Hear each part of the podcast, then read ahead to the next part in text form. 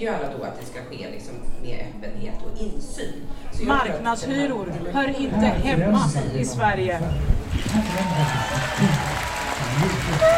Bättre välfärd. Välkomna till Folkbildningspodden som är i Visby under Almedalsveckan. Folkbildningspodden som görs av Arena Idé har eh, letat upp rösterna på Gotland som pratat folkbildning.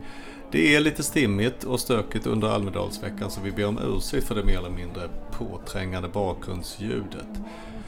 Johan Fyrberg som är förbundsordförande på studieförbundet Vuxenskolan och Annika Dahl förbundsordförande på ABF tillsammans med studieförbundens David Samuelsson är våra ciceroner. Men först så återhör vi Maria Granov, rådets generalsekreterare som berättar om hur Folkbildningsrådet tänker om folkbildningen och Almedalen. Jag heter Ola Bo Larsson, välkomna! Folkbildningsrådets medverkan i Almedalen, vad händer? Vi hade ett seminarium igår Mm. eh, som handlar om folkbildningens framtid. Mm. Eh, lite utifrån den utredning som nu börjar sitt arbete. Vad, vad ska vi ha folkbildning till? Varför är det viktigt? Mm. Samtal med både folk, från folkbildningen men framförallt ett antal personer som finns i vår, vår närhet som utmanar på olika sätt. Så det var vår stora grej. Sen har jag medverkat i ett seminarium idag här om eh, eh, studieförbundens arbete samköra eh, sina register för att hitta krockar och orimligheter i systemet.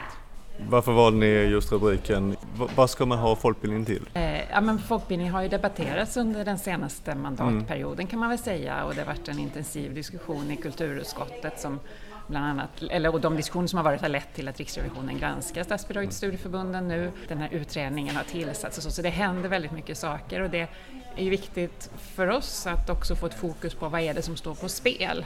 För det är klart att eh, om man ska, om man verkligen vill få bort fusk, då ska man kunna ta bort bidraget helt och hållet. Alltså man kan öka kontrollen, öka kontrollen, öka kontrollen eller bara ta bort det. Men vad händer då? Det, vad, vad är det som görs idag som inte blir gjort? Men vad är det också i framtiden? Varför, varför, varför är det viktigt att det finns folkbildning i Sverige? Det är ju en fråga som vi behöver ställa oss och och en diskussion som vi behöver få med oss fler i. Folk som finns i närheten som ser folkbildningen och som, som förstår värdet och kan lyfta fram det. Så därför kändes det jätteviktigt att ha ett sådant samtal. Ett antal personer som, som har god kännedom om folkbildningen men som inte företräder folkbildningen. Mm. Vad sa de? Var det någonting du tog med dig från vad de sa? Ja, men framförallt så var det starka röster kring folkbildningens frihet och vikten av alltså man knöt an till, också till kulturlivet, att den fria folkbildningen, den fria kulturen bygger ett samhälle. Och att få höra de rösterna utifrån är ju jätteviktigt. Eh, vi tror väldigt starkt på det, men väldigt fint att se att det finns en förståelse. Sen eh, hade vi ett antal personer från civilsamhället som utmanar och ställer frågor kring till exempel vilka folkbildningen är till för, hur, hur man når vissa grupper och så, men också hur man når alla. Ett intressant inspel från, från en av politikerna som medverkade var ju också att ja, men, folkbildningen får inte fastna i att bara titta på utsatthet, så att säga, att vända sig till utsatta grupper. Ut- eh, Det har inte jag hört på det viset från politiken på väldigt länge. Så att eh, det förvånade mig lite och jag blev glad av det. Mm. Jag tänker att det kanske är naturligt när det har eh, varit en period av uppmärksamhet och kritik att man i trängda lägen vänder sig till kompisar, andra kompisar som har en liknande position. Ehm, är det, är det det vi ser efter den här eh, kritiken? Att vi får eh, bundsförvanter inom kulturen eller? Eh? Men jag tänker att debatten har ju inte varit särskilt nyanserad i alla lägen utan det har varit en ganska polariserad debatt och det har lyfts fram bilder av att, att, men att mer eller mindre all verksamhet är fusk i studieförbunden och så saker som, som ju inte stämmer, det är inte sant. Om vi har varit där så har vi ju rört oss mot en mer, mer, mycket mer nyanserad diskussion nu om om folkbildningen där, där ju alla naturligtvis är överens om att fusk måste bort. Det måste finnas en respekt för de här skattemedlen som, som används och för hur man arbetar. Men vi behöver prata om, om de svåra sakerna ja, men vad, vad är viktigast? Pengarna är ju inte oändliga. Man säger att man ska nå hela befolkningen, men det är, det är en bra ingång. Mm. Men det måste ju göras prioriteringar någonstans. Hur görs de? Och hur kan varje studieförbund, varje folkhögskola göra sina prioriteringar på ett klokt sätt och få säga regeringens, riksdagens acceptans för det.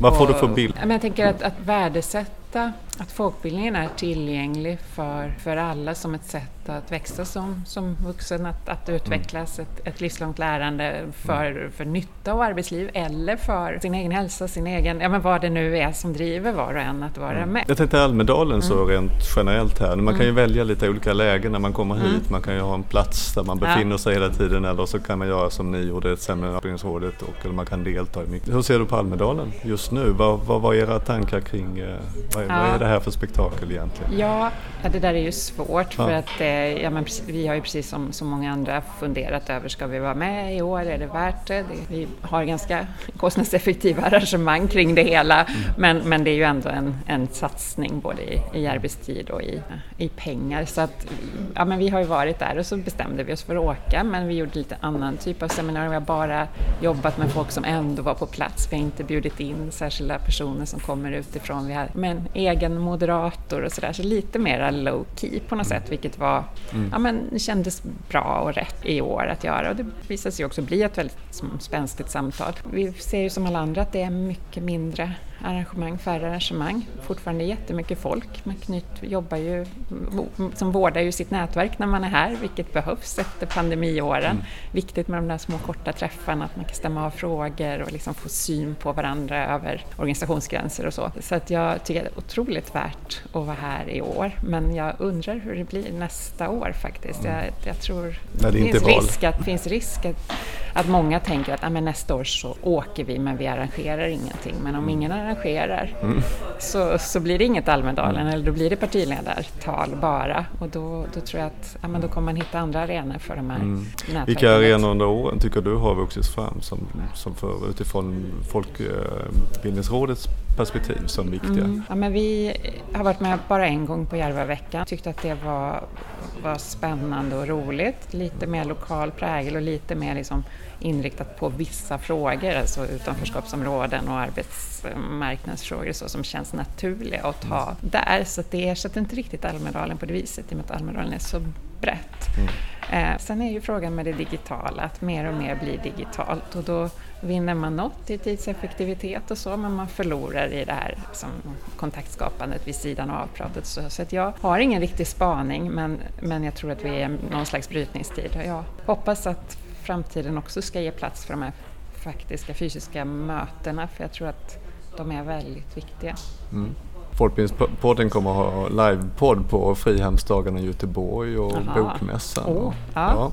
Ja, wow, ja, men Bokmässan är ju, är ju också ett sammanhang ja. som vi har, har eh, ja, men vi har deltagit men vi har inte haft några egna arrangemang. Det är svårare mm. att komma in där och svårare att få, mm. få plats. Så att, mm.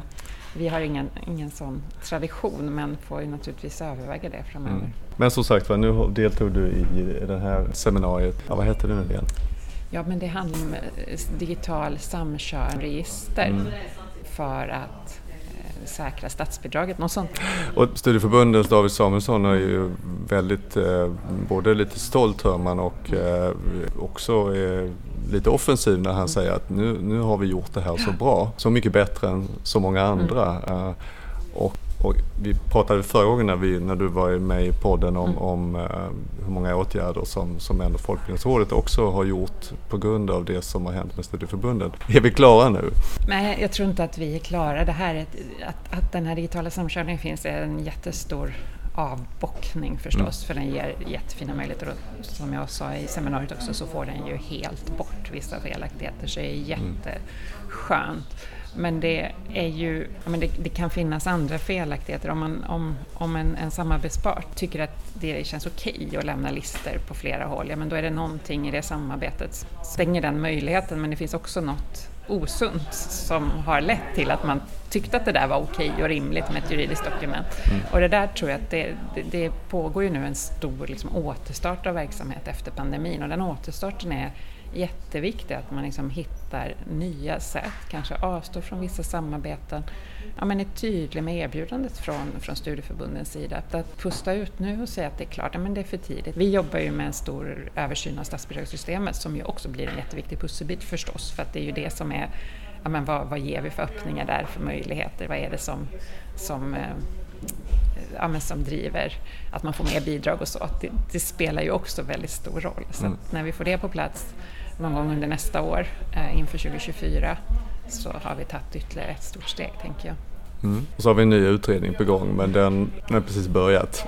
Så den, det, det, vet vi inte så mycket om. Nej. Men har du någon kommentar? Ja men det är jättespännande och väldigt roligt att Christer Nylander har fått uppdraget. Det är roligt att höra honom i er podd mm. när han pratar om uppdraget. Det känns betryggande just att från Folkbildningens sida så känner vi att han, han, han förstår värdet i folkbildning och kan uttrycka sig kring det, vilket mm. liksom är jättebra. Mm. Sen ligger ju frågorna om styrmodellen, om Folkbildningsrådets framtid och så i utredningen så att det är ju väldigt spännande tider. Mm. Och det kan vi säga apropå vårt samtal igår också, att det var ju en röst i panelen som sa att ja, men kanske vore rimligt att tänka sig en myndighet för det här istället.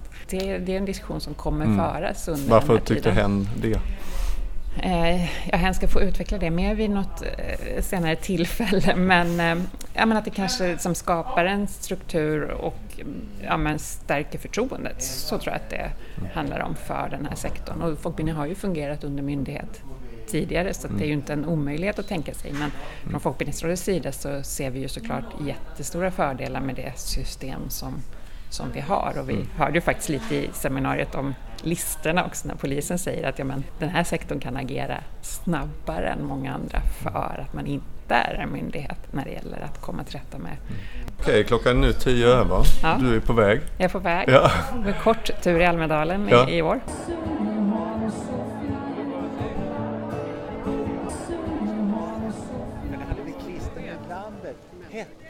Den här 400 meters häcklöparen, hette han, han också Christer Nylander? Eller, han hette Sven Nylander. Han hette Sven Nylander. Ja, Sven Nylander. Ja. Men jag har frågat honom, de är inte släkt. Hela, hela temat för, för den här eh, podden är ju inför valet. Vad är känslan just nu i era olika roller när det gäller den, när det gäller valet? Ja, Johan Fyrberg då här.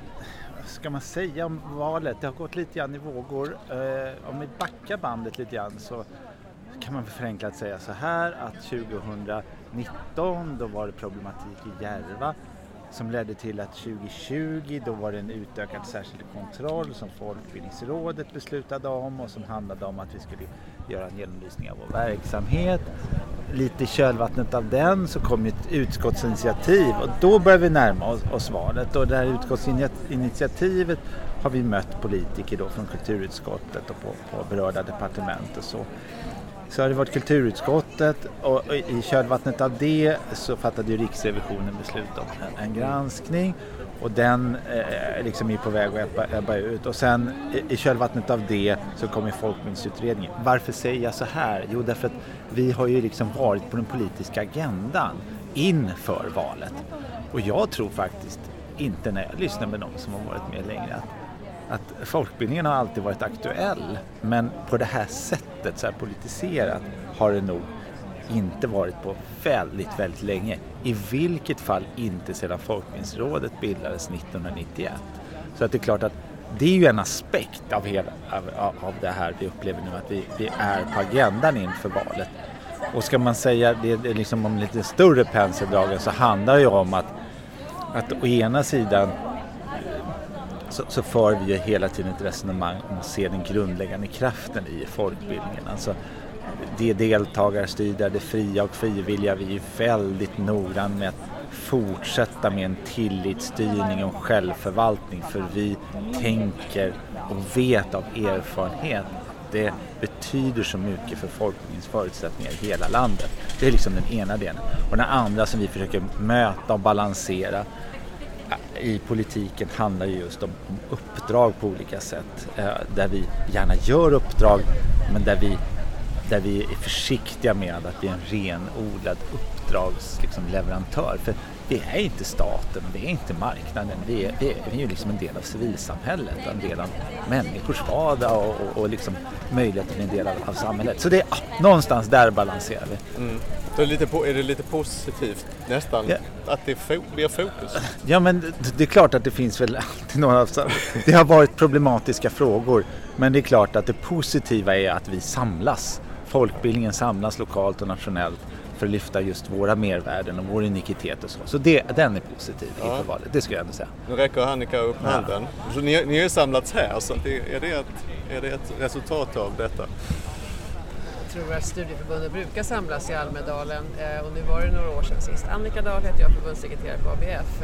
Jag kan säga, ja, det finns ju en eh, finns ju ändå ett hot mot folkbildningen kan jag säga från, från vissa partier långt ut på högerkanten. Så är det och det, jag känner en oro för det, absolut. Det finns ju konkreta neddragningsförslag i budgetar på, på halvering av, av statsbidraget och också en eh, förslag till för, helt förändrad inriktning för eh, studieförbunden där man ska styra vad som är eh, uppifrån vad som är okej och inte och att eh, det ska begränsas och inte ska stå för en mångfald och annat. Så där finns en konkret oro.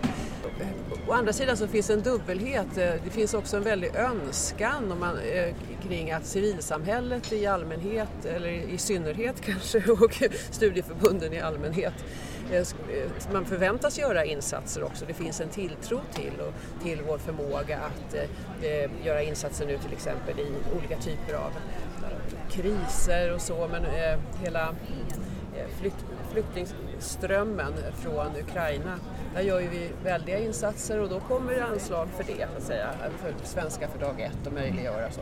så att man, det finns en tilltro till vår förmåga som är väldigt stor att bidra, men, det, men vi är också just nu måltavla för kritik från lite olika håll, både ideologiskt faktiskt och, och det som gäller eh, det som gäller kontroll och uppföljning. Å andra sidan, jag håller med Johan, eh, när när det blir den här kritiska debatten så mobiliserar det också. Eh, det bildas eh, olika typer av nätverk för folkbildning på olika håll och man, man, eh, man sluter sig också samman och mobiliserar så att det finns också någonting positivt. Ni har varit med i en mm. panel om Idéburen välfärd där från 1 januari kommer finnas möjlighet för civilsamhället att att inte behöva bilda bolag för att få uppdrag via kommuner och det offentliga och kunna göra insatser Eh, samhällsinsatser vad gäller arbetsmarknadspolitik, sociala insatser och annat utan det ska man kunna göra genom att anmäla sig till ett register eh, för att enklare få uppdrag då att idéburen också ska kunna göra mer än vad vi gör idag och ses som en mer långsiktig och hållbar liksom, samarbetsresurs framförallt på lokal nivå. Så det, det är positivt och det är en fråga som har diskuterats under många, många år och nu har den genom en ohelig allians mellan där eh, socialdemokrater och eh, kristdemokrater, och liberaler och andra har varit överens om det. Det sker ju en mobilisering i hela vårt land efter pandemin när det handlar om att starta upp verksamhet. Eh, men också för, för målgrupper som har fått stå tillbaks rätt ordentligt under pandemin. Det kan vara inom funktionsrättsområdet, det kan vara äldre, det kan vara människor som befinner sig i utsatthet på olika sätt. Så det är ju väldigt positivt att folkbildningen och studieförbunden finns i hela landet och gör det. Sen så, om man tar det liksom verkligen lokala deltagarperspektivet och så vänder vi det till där vi pratar mycket här under Almedalen, det, det politiska, så är det ju spännande med en, en folkbildningsutredning. Visst, visst är det så. Sen kan man alltid diskutera fonden och förutsättningarna varför den tillkom just nu men att det då och då eh, utreds och man, man tittar på hur, hur ska bidragsgivning och förutsättningar se ut. Jag tänker att folkbildning och studieförbund kommer finnas helt oberoende om vad staten eh, eh, skjuter till för medel. Vi har vår kraft på annat sätt men det är klart att, att eh, villkor, stöd, bidragsgivning är viktigt att, eh, att få till över tid. Så det är ju spännande att det sker nu. De här kommande åren, 23, 24, 25 kommer inrymma mycket av utvecklingsarbete så det är spännande. Ja, sen tänker jag också något positivt, ja, vi närmar oss ett val och eh, då är frågan om demokrati liksom, står ju högst på dag, dagordningen också under Almedalsveckan så är demokrati någon sorts övergripande rubrik och möten och mötesplatser och samtal och att, att folkbildningen då också verkligen verka för en för demokrati och står för ett, eh, med, med den folkrörelse och folkbildningstradition vi har som handlar om samtal och respektfulla möten mellan människor, att det är liksom det starkaste värnet också mot motsatsen, det auktoritativa styret som vi ser, som vi ser faktiskt är på frammarsch på flera håll i världen så står ju vi för någonting helt annat. Att eh, människor mobiliseras, eh, samtalar, möter varann på arbetsplatser och i bostadsområden och eh, kring frågor som berör dem. Det är liksom motvärnet mot eh, auktoritära krafter. Så det, det, är också något väldigt positivt som lyfts och syns ännu mer nu. Som synliggörs i, liksom i motsats till det som sker på många andra håll. Så.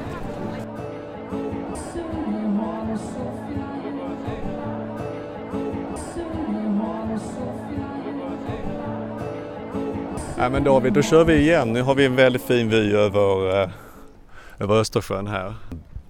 Vi, vi, har precis varit eh, ett seminarium som heter vadå? Idéburen välfärd. Eh, det handlar i grunden om hur vi kan gå ifrån att det är offentliga upphandlingar som, som väldigt mycket domineras av olika typer av företag till att nu med idéburen välfärd så ska kommuner och myndigheter på olika nivåer kunna rikta till idéburna aktörer eh, och det kallar man idéburen välfärd.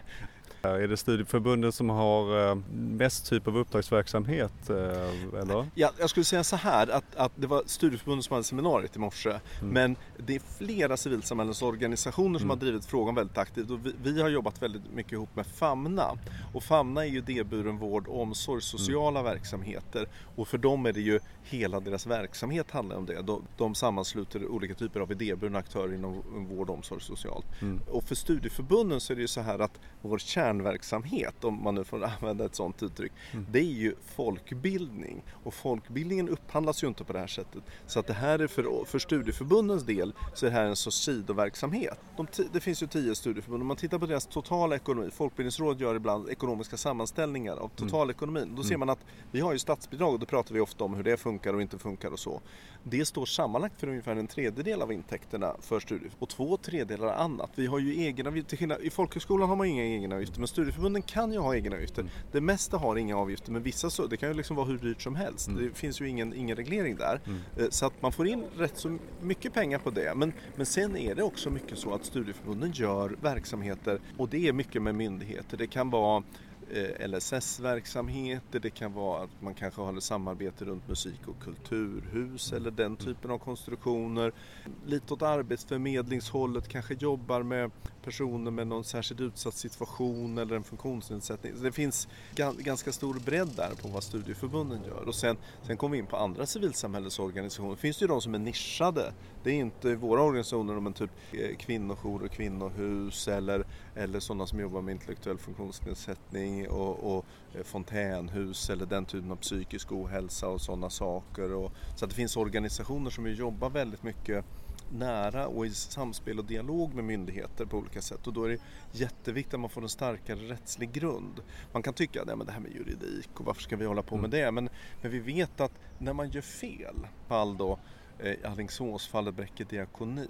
Det gick ända upp till högsta liksom, domstolen och högsta förvaltningsdomstolen och, och där fälldes ju kommunen. Eh, så då, och, då, och då blir det ju så, då blir det så här upphandlingsskadeavgifter och, och det blir väldigt besvärligt. Upphandlingsområdet det, det finns ju en tendens där att hårda värden av typen pengar, vad kostar det per styck? Det kostar 34 kronor säger det ena anbudet, den andra säger 32.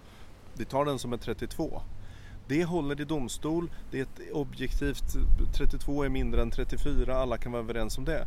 Men om jag säger att nej men min organisation, vi har en värdegrund, vi står nära brukarna på det här området och vi har många frivilliga krafter det, det är svårt. Håller det i en domstol så finns en annan anbudsgivare, ett företag som säger, kommersiellt företag, att vi, vi har mer effektiv organisation, vi lägger ett lägre anbud och det här uh, snömoset från den här organisationen någonting med värdegrund. Vi har också ett värdegrundspapper, det, det är jättebra det också. Mm. Det, där, därför är det viktigt att det finns juridiskt hållbara konstruktioner. Därför är det så, så viktigt för oss att få fram den här lagstiftningen. Mm. Så det är en av de sakerna vi gör. Sen kommer vi från studieförbundssidan, eh, om jag utvecklar lite, så kommer vi ha e- ett eh, seminarium som som går på det lite tuffare, tuffare ämnet som är det att vi har ju tyvärr haft en del tråkigheter i studieförbunden för ett par år sedan eh, med, med, där vi blev utsatta för bedrägerier på sina håll och det har varit en del fusk och fel, en sån diskussion. Vi har liksom olika, ganska breda eh, åtgärdsprogram för det här och en av punkterna i åtgärdsprogrammet är någonting som vi har ett seminarium om och det är att vi samkör. Det är så att de tio studieförbunden som får statsbidrag av Folkbildningsrådet de är tio separata organisationer, mm. tio fristående organisationer. Och det har visat sig vara en sårbarhet att den illvillige kan lura flera studieförbund för att eh, de, de har, ser liksom inte in i varann. Mm. Men där är det så att vi gör en samkörning av verksamhetsinformation från studieförbunden. Och det har vi gjort de senaste åren som en respons på det här felet. Och det har vi ett särskilt seminarium där vi djupborrar i hur har den där gått till och vad är det vi når för resultat. Och vi, vi har jobbat ihop med PVC Forensic som är, är, är en, en, revision, en del av en revisionsbyrå som, som håller på mycket med just sånt här. Kommer ha med polisen, Ekobrottsmyndigheten, den typen av, så att det blir Eh, det blir inte den här mer positiva innehållsmässiga delen av folkbildningen och hur vi vill så att säga stärka människor och, och, och, och få ett bättre samhälle och så. Mm. Utan det här handlar om mer förutsättningarna är ju att, att vi inte blir utsatta och då, och då menar vi att vi har gjort någonting unikt faktiskt. Den här samkörningen, det innebär att vi, vi samkör alltså studieförbundens fullständiga verksamhet, 100 procent varje deltagare i studiecirklar, varenda studiecirkel, varenda träff i alla tio studieförbunden samkörs. Och sen så har vi gjort en, en förstudie där, där vi har gjort identifierat riskparametrar. Vad är risk? Hur ska datorn kunna hitta när det är fel och fusk? Du kan liksom inte ställa frågan till datorn, eh, report fusk, det går liksom inte. Utan vi har gjort eh, identifiering, vi har gjort en analys bedrivet på kunskap och erfarenhet. Var upptäcker det här ofta, uppträder det här ofta? Det handlar om pengaflöden, det handlar om väldigt omfattande volymer koncentrerat till, till en viss samarbetspart eller en viss anställd. Det handlar om Sen har vi det som heter krockar eh, som ju, där, där verksamhet sker i flera studieförbund samtidigt. Och det här gör vi då en samkörning. Och vi säger så här, vi gick ifrån att ta det här problemet till att vi går först, vi går i bräschen. Finns ingen annan, tar vi civilsamhällessidan, jag har inte hört ett enda exempel på organisationer, separata organisationer som samkör, organi eh, som samkör information. Men gå till den andra sidan, företag. Hur många företag samkör information mellan sig? Inte ett exempel. Eh, myndigheterna. Det har pratats om samkörning hur länge som helst. Hur många gör det? Ingen. De kan inte, de får inte. Vill de? Vet jag inte. Vi gör det. Vi har, vi, vi har eh, gjort det, vi har byggt upp det, vi har jobbat då ihop med PVC Forensic för att liksom eh, skapa tekniken och och liksom know-how. Vi har också gjort väldigt baserat på folk som är djup kompetens som studieförbundsfrågor som så att säga vet, eh, som, som kan och var svagheterna finns och riskerna, riskerna hot och, så här risk och väsentlighetsanalyser. Och sen har vi också gjort det inom lagen. Vi, vi är övertygade om, många pratar om GDPR, dataskyddsförordningen och det är jätte jätteviktigt för oss med personlig integritet. Så det där, det där ska vi ha ett seminarium om och, och, och vi har med polisen NOA som är deras centrala kompetens. Mm. Är det fler saker som händer? Vi ska ha ett seminarium till och då är det Sivos som står värd eh, och det seminariet det handlar om internmoms. Det är ju så att flera av våra organisationer i civilsamhället, studieförbunden är ett exempel, det är så att du tänker dig att Medborgarskolan är en organisation. Det är ju liksom Medborgarskolan i Sverige. Men eh, för en jurist så är inte det en organisation utan du har ett riksförbund och sen så har du då lokalavdelningar som är ett antal distrikt som täcker in i landet och sen så har man verksamhet som utförs på någon sorts lokalkontorsnivå.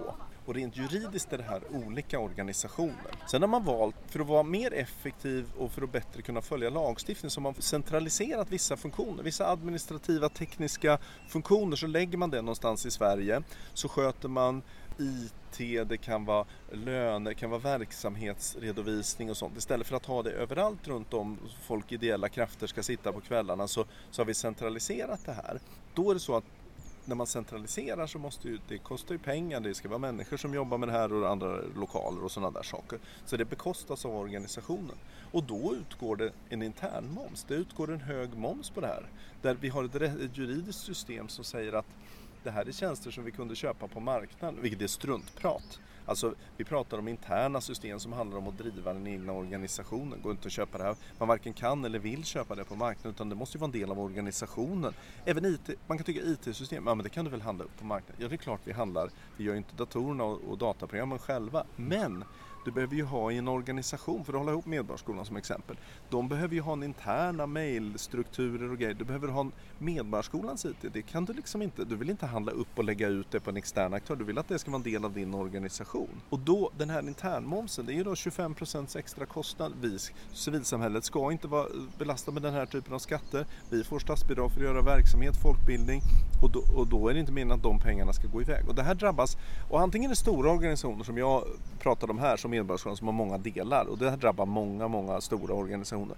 Kan å andra sidan också vara små organisationer. Säg att du är tre organisationer som tillsammans, lokalföreningar, säg musikföreningar, så ja men ja, men om vi går ihop då kan vi dela på en, en kanslist eller någon som sköter den här funktionen åt oss tillsammans. Kanslisamverkan, jättebra. Ja, det är bara det att en betalar lönen och de andra två ska då betala moms på lönen. Jaha, det ökar lönekostnaderna med 25 procent bara för att du har ett idiotiskt regelverk. Så ser det ut. Det här har vi ett seminarium om. Vi har fått ett tillkännagivande i riksdagen från faktiskt en enhälligt eh, skatteutskott och en enhällig riksdag ställde sig bakom från alla partierna. Men vi har trögheter att få fram. Och där har vi, vi har ett mot, vi möter motstånd. Finansdepartementet säger att det här inte går. De säger att EU-rätten går emot, vi kan inte öppna upp det här. Och där, där måste vi öka trycket. Eh, och, och det här är en gemensam fråga för många civilsamhällesorganisationer och där, där har vi också, det drabbar alla möjliga eh, organisationer. Spännande. Någonting annat från Almedalen som du, du är sugen på att gå på? Ja, men det finns ju många saker som jag är sugen på. För mig är det så att Almedalen är ju i sin bästa del en demokratins höjdpunkt emot ett riksdagsval här eller ja, på alla nivåer. Och då jag brukar alltid sätta nära i när jag är här att gå på partiledartal. Jag tycker det är väldigt spännande att kunna få se de här högsta företrädarna för olika politiska partier tala. Man kan se lite grann vilka ämnen och hur, hur de, både retoriken och vilka ämnen de tar upp. Man ser deras publik, vad är det för några som kommer och hur reagerar de på olika sätt. Så det tycker jag, eh, för mig är det ett fint sätt att få en direktkontakt i demokrati. Det är några av mina höjdpunkter i Almedalen. Mm. När vi senast pratades vid så hade vi ganska allvarligt samtal om folkbildningen och in framtiden. Nu börjar valet närma sig här. Hur, hur mm. känns det för dig nu för valet? Är du nervös? Jag är inte nervös för valet. Det är så att um, omkring valdagen, någonstans antagligen lite efter, det är lite, lite oklart, så kommer Riksrevisionen att komma med sin granskningsrapport om studieförbunden. Och det är klart att det finns en viss eh, eh, inte nervositet, men, men ja, vi vet ju förstås inte vad den ska innehålla. Vi har ju inte sett den utan den kommer ju då att presenteras. Så och, det, och det blir ju oerhört viktigt vad den kommer fram till. Och det, och det blir ju naturligtvis, det hamnar ju på den regeringen som tillträder efter valet, på deras bord så hamnar ju det. Och sen, sen har vi den här folkbildningsutredningen och jag lyssnade med väldigt stort intresse på, på Folkbildningspodden när ni mötte Christer Nylander och hade samtalat med honom som ju ska utreda folkbildningens framtid. Väldigt intressant samtal och det, det, det där ser vi fram emot jättemycket den utredningen blir en väldigt viktig utredning och, och Christer Nylander är en erfaren och klok person så det, det ser vi fram emot med tillförsikt. Klart att sådana här stora verksamheter behöver ju ses över med jämna mellanrum och måste komma tillbaka och det finns alltid frågetecken och delar som man behöver slipa på. Någon speciell förhoppning du har när det gäller studieförbunden? Ja, det finns ju en del som vi kommer att jobba eftersom den är upplyft som en särskild fråga. Det finns det så här mjukare delar som jag tycker är spännande som handlar om syftena som finns, de fyra statliga syftena med, med bidrag till folkbildningen och då finns det mer tekniska delar som vi förstås ska in i som inte så, det handlar om indikatorer och sånt där så det, det är klart det, det också har stor vikt. Men sen finns det ju en en, liksom en övergripande fråga som är upplyft och det är hur ska styrningen och granskningen av folkbildningen gå till? Idag har vi ett folkbildningsråd i en självförvaltande konstruktion där studieförbund och folkhögskolor och organisationer av dem tillsammans driver Folkbildningsrådet som förvaltar de här statsmedlen och delar ut och granskar det. Det är ju ingen hemlighet att det beror på det, det som har hänt i studieförbunden som den här frågan är satt under lupp. För vår del så tycker jag att de senaste årens händelser visar att vi i folkbildningen vi råkar ut för problem, absolut. Och, och, vi har råkat ut för bedrägerier och fusk och sådana saker. Och det, det har hänt i studieförbund, även hänt i folkhögskolor. Men vi det är vi som hittar dem, ingen annan. Vi vågar se dem och ta dem för vad det är. Vi granskar dem, vi borrar i det, vi identifierar problemen ordentligt, rivit upp de här eh, strukturerna som har varit felaktiga och falska. Vi har jobbat jättemycket, vi har förstärkt Folkbildningsrådets kontrollstrukturer, liksom fått kraftigt ökade resurser i Folkbildningsrådet för att jobba med gransknings och kontrollarbete. Vi har i studieförbunden gemensamt och alla studieförbund var för sig jobbat jättemycket. Jag pratade om det här med samkörningen. Det var liksom eh, en stor insats. Vi la flera miljoner på att bygga det där tekniska systemet och sen oräkneligt antal timmar. Vi har också infört i studieförbunden obligatorisk digital närvaroredovisning. Vi har bank-id numera för att mm. signera. Alltså, vi har skärpt på flera nyckelpunkter så har vi liksom skärpt. Så jag menar att det självförvaltande systemet som vi har, det har visat sin kraft. Det står pall och det, det kan möta utmaningarna vågar säga också folkhögskolor och studieförbund förstår oss mer och har en, en interaktion på ett annat sätt. Vi, ser, vi jobbar ju också med myndigheter, både studieförbund och folkhögskolor jobbar gentemot myndigheter av olika slag. Det kan vara länsstyrelser eller Migrationsverket eller Arbetsförmedlingen eller jag vet inte. Det finns olika myndigheter, regioner och så vidare. Mm. Och jag tycker att erfarenheterna är ju ofta stelbenta, de är långsammare, det är mycket dyrare för att driva verksamheten och de myndigheterna har ibland svårt att förstå civilsamhällets, hur civilsamhället funkar. De styrs av vissa myndighetsprinciper. Och missförstå mig liksom inte, jag har, stor, jag har jobbat i myndighet och så vidare, jag har jobbat både stat och kommun. Det viktigaste för dem är att göra rätt. Sen när man har gjort rätt, då försöker man göra så bra som möjligt. Den logiken är väldigt stark, mm. att inte göra fel. Vi kan se nu, vi har igen en flyktingkris efter det fruktansvärda anfallskriget som Ryssland bedriver i Ukraina när det så att säga fick den här nya storinvasionen i februari så såg vi nya flyktingvågor till Sverige. Vi såg direkt att studieförbund och folkhögskolor fanns där. Vi väntade inte på några instruktioner eller kommandon. Vi, vi stod där, tar emot flyktingar när de kommer bygger upp verksamheter eh, med svenska från dag ett och, och stöttar eh, de här flyktingarna i, i liksom ett, etableringen. Man jobbar just med språk och samhällsinformation och sånt. Jag, jag ser ju igen att, att vilken viktig roll vi spelar. Alltså. Men vi har tillförsikt med Folkbildningsutredningen. Det blir jättespännande att följa Christer Nylanders Får hoppas att han lyssnar på det här. Så ta in, ta in detta eh, sista här då. Vad spännande. Tack så mycket för att du tog dig tid.